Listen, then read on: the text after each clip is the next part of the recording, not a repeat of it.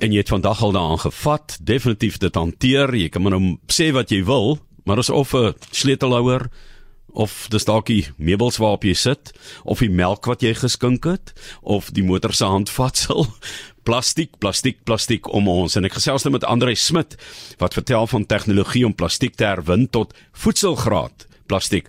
Andre is besturende direkteur van Zibo en uh, Zibo is julle se familieonderneming, né? Uh ja, middag Johan, eintlik eintlik het ons familiewaardes, maar die besigheid het nou al redelik gegroei. Ons het 'n uh, tak in Johannesburg, ons het 'n tak in Kaapstad, twee fabrieke en ons het nasionale verspreiding. So dis al so 'n bietjie groot as 'n groter as 'n familieonderneming, maar uh, ons probeer die waardes bou. Maar jy het sekere waardes wat nog net julle as dit ware bestuur en hersirkuleer, want jy gaan nou vir ons vertel van die tegnologie wat julle gebruik om plastiek te herwin tot voedselgraad plastiek. So kom ons begin daarby. Wat is voedselgraad plastiek? Ja, voedselgraad eh, beteken maar basies dat die verpakking in die geval plastiek kan jy gebruik in aanraking met voedsel. Met ander woorde, dis nie gekontamineer nie of dit bevat nie bestanddele wat sal migreer na dit wat jy daar binne in sit nie. Met ander woorde, die kos is veilig. Jy gaan dit nie besoedel met dit waaraan jy dit verpak nie. Nou goed, ek het nou so verwys na wat mense alles met plastiek doen. Jy het 'n proses om dit uit te sorteer. Dat iemand wat nou ehm um, dit lyk soos 'n asynbottel maar dan het hulle nou gif aangemaak daarin en so.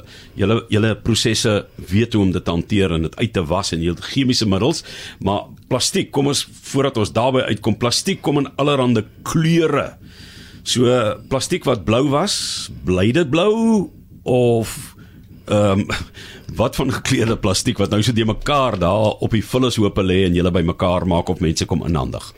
Ja, ek dink ek, ek moet eerstens sê Johan dat dit is nie alle plastiek wat jy kan terugherwin na voedselgraad toe nie. Dit hang af van die die spesifieke polymeer wat jy gebruik en party is meer herwinbaar in voedselgraad as ander. Nou die die miskien die die polymeer wat die meeste herwinbaar is is wat ons noem PET Ehm uh, en dit is tipies wat alle uh koeldrankbottels, gasbottels en ook die verpakking wat jy uh in die supermark die uh by die deli kry, by die by die koeke, by die vrugte kry, die deurskynende plastiek.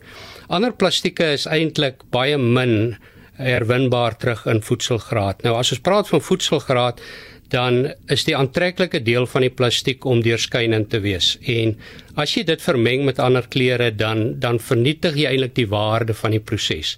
So ons probeer PET in sy oorspronklike vorm wat helder is of selfs ligblou is behou en te herwin. Ehm um, ander polimere soos polipropyleen wat wel in allerlei kleure herwin word, word gewoonlik maar herwin in die donkerste kleur waarna jy dit kan vat en dis 'n common dis 'n algemene kleur waarna jy dit vat. Maar ehm uh, jy vernietig definitief waarde as jy plastiek kleure gee om te herwin. Nou jy nou die woord PET gebruik.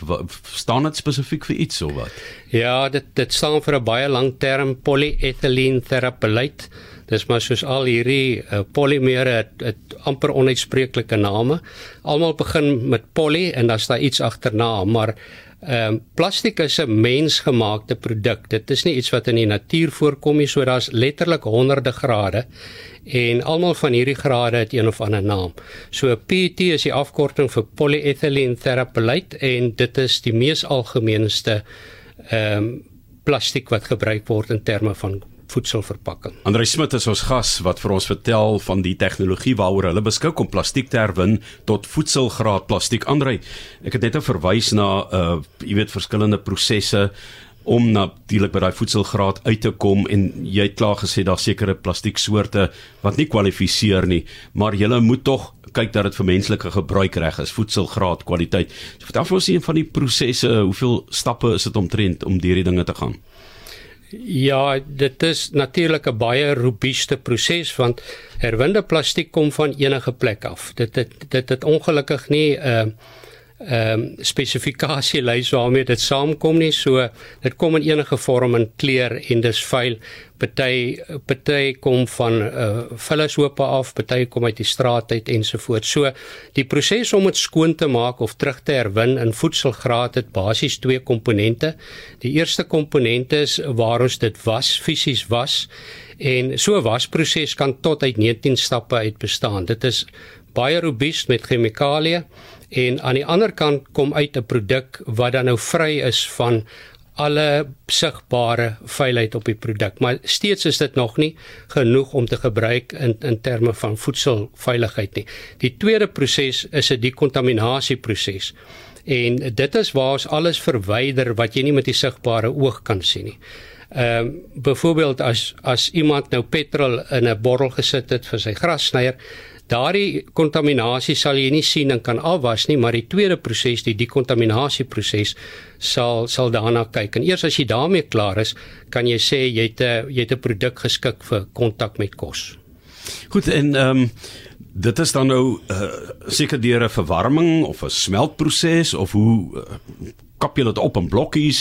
Is dit vlokkies? Wat is dit? Ja, die eerste proses is maar soos dit kom word dit gewas, ehm um, herhaaldelik gesorteer. Dit is 'n baie belangrike komponent van die proses, die sorteringsproses. Ehm um, daarna word dit fyn gemaal in blokkies van omtrent uh, tussen 10 en 14 mm groot. Uh hierdie word gewas by omtrent 80 grade Celsius met met met uh, chemiese oplossings uh, waarvan seepsoda miskien die belangrikste deel is, maar ook ander. En dan verwyder ons alles en dan staan 'n seleksieproses op die einde wat ons per uh per produk per per eenheid kan identifiseer of hy geskik is of nie. Die eerste fase, die tweede fase uh wat die dekontaminasieproses is, dit bestaan dan hoofsaaklik uit drie komponente. Dit is ehm uh, hitte, die die dit word verhoog tot omtrent 160 grade. Dan pas ons baie hoë vakuum daarop toe in 'n in 'n geslote ruimte en dit moet daar bly vir 1 en 'n half uur en dit is die proses wat die sogenaamde volatiles dan nou verwyder. Dis belangrik dat hierdie prosesse het het internasionale akkreditasie. In in ons geval gebruik ons die Europese standaard, die EFSA standaard En as daai standaard maak seker dat die proses wat jy toepas konstant vir jou ehm uh, die produk lewer wat jy in kontak met kos kan gebruik. In die vrugte praat hulle van die vrugtebedryf of as hulle dit verkoop 'n pannet, jy weet wel jy nie 'n pannet dit of dat hê nie. Daar's ook plastiek by betrokke. Is dit ook voedselgraad? Ja, dis 'n dis 'n baie groot mark beide lokaal omdat Suid-Afrika 'n vrugteproduserende land is, is dit 'n is dit 'n redelike groot mark. Maar uh uiteraard is alles wat daarin ook gaan ook voedselgraad. Ehm um, die die standaard daarvoor is internasionale standaard. Soos ek net nou genoem het die EFSA standaard af. Om uit te, om te kan uitvoer om te kan kwalifiseer om aanvaar te word aan die ander kant dit en ook die die plaaslike kleinhandelaars, die hele spektrum van hulle het baie hoë vereistes. Suid-Afrika het baie hoë vereistes vir verpakking en dit is soortgelyk as as as internasionale standaarde. So ook vir die plaaslike kleinhandel moet ons die standaarde handhaaf. Kyk, ek het nog nooit vir jou op 'n vullishoop sien rondloop met 'n sak om plastiek op te tel nie. So waar kom julle plastiek vandaan? Want julle praat van baie plastiek. Ek meen plastiek klink lig, maar ons praat van tonne, né? Ja, dit dit is geweldig baie. Daar's daar's eintlik 'n baie goed ontwikkelde informele sektor wat die plastiek bymekaar maak. Ek het al syfers gesien wat sê daar is tot 22000 mense in Suid-Afrika wat 'n inkomste verdien deur uh, plastiek bymekaar te maak en na winnaars soos ons te verkoop. So daar's baie mense wat in baie dit bymekaar maak. Hulle verkoop dit gewoonlik aan 'n middelman uh, wat ehm uh, dat dan nou sorteer en in bale vir ons sit en ons koop dit by daardie middelman. So ons is nie direk betrokke by die by die bymekaar maak van die herwinde materiaal nie. Ons koop dit as dit 'n redelike sorteerde en en uitgesorteerde basis is. So hoeveel kan 'n mens maak op 'n dag met plastiek bymekaar maak? Wel in die informele jy jy sien partykeer die mense met 'n trolley rondloop. Ehm um, ek ek hulle koop dit verkoop dit teen ongeveer 4-5 rand 'n kilogram. So ek ek neem aan jy het so 'n goeie trolley vol voordat jy 'n maaltyd kan koop. ehm um, uit daai kant uit. So ehm um, so 5 of 6 kg sal aan 'n maaltyd koop en baie mense bestaan so. Dis dis baie interessant. Mense dink altyd aan kartondose wat jy sien en jy dink aan glasbottels wat baie gehersirkuleer word en bymekaar gemaak word. Maar hier staan 'n uitdaging en die die lekker ding van daai bottels jy kan hulle plat trap, né? Jy jy hoef nog nie met die lug in te hou nie. Ja, daar's 'n meganiese proses waar dit in 'n baal saamgepers word. So 'n baal weeg tussen 4 en 600 kg en dit is in die vorm waar waar waar ons dit tipies sal koop. Dan ekskuus. Nee, uh, die maar die bymekaar maak mense ehm um, gewoonlik hulle sal dit nie in 'n baal sit nie. Hulle sal dit net so bring aan die aan die middelman wat dit bymekaar maak. By party afsetpunte, uh, kleinhandelaars, groothandelaars sien 'n mens al die teken dat dit ehm um, hersirkuleerbaar is of weer gebruik kan word, maak dit vir julle dit ook makliker indien dit gebeur? Ja, baie, maar daar is ook 'n groot mate van van van begrip oor die hele term recyclable wat die term is wat oor die algemeen gebruik word en mens moet verstaan dat min of meer alles in die wêreld is herwinbaar maar nie ekonomies herwinbaar nie. So ons verkies om die begrip te gebruik recycled, met ander woorde, daar is 'n bewese proses waar hierdie goed bymekaar gemaak word, daar's 'n fabriek waar dit verwerk word en daar's 'n afset daarvoor.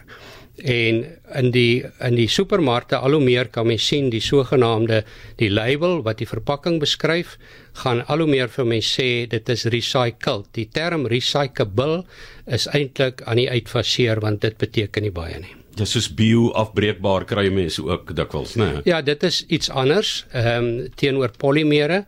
Uh dit is iets wat jy op 'n komposhoop kan gooi en onder baie spesiale en spesifieke omstandighede kan dit degradeer wat plastiek nie doen nie. Ehm um, dit dit het 'n konflik met gewone plastiek in die sin van dat dit lyk eners en in hierdie herwinningsprosesse is dit dan nou baie moeilik om uit te ken tussen wat is bioafbreekbaar en en wat is 'n plastiek. En as ons die twee vermeng in die herwinningsproses, dan kry ons kontaminasie. So mens moet baie baie versigtig wees om die twee strome uitmekaar uit te hou as mens van herwinning praat. Julle ehm um, werk ook op 'n unieke manier met thermoform. Ehm um, so dit maak julle nogal eksklusief vertel vir ons. Ja, ehm um, thermoform is 'n baie spesifieke proses van hoe ons die verpakking vervaardig. Dit beteken maar net ons maak 'n groot vel plastiek wat ons op 'n rol sit. Dis die eerste stap. En die tweede stap gaan hierdie in 'n proses in waar ons met ligdruk die produk vorm. Ehm um, en en dit is sogenaamd die thermoform. Thermo afgelei van hitte en die vorming van die van die ligdruk en dan word dit uitgesny uit die vel en dit is 'n dis 'n spesifieke proses. Dis 'n hoë volume proses en dit is 'n redelik ekonomiese proses in terme van verpakking.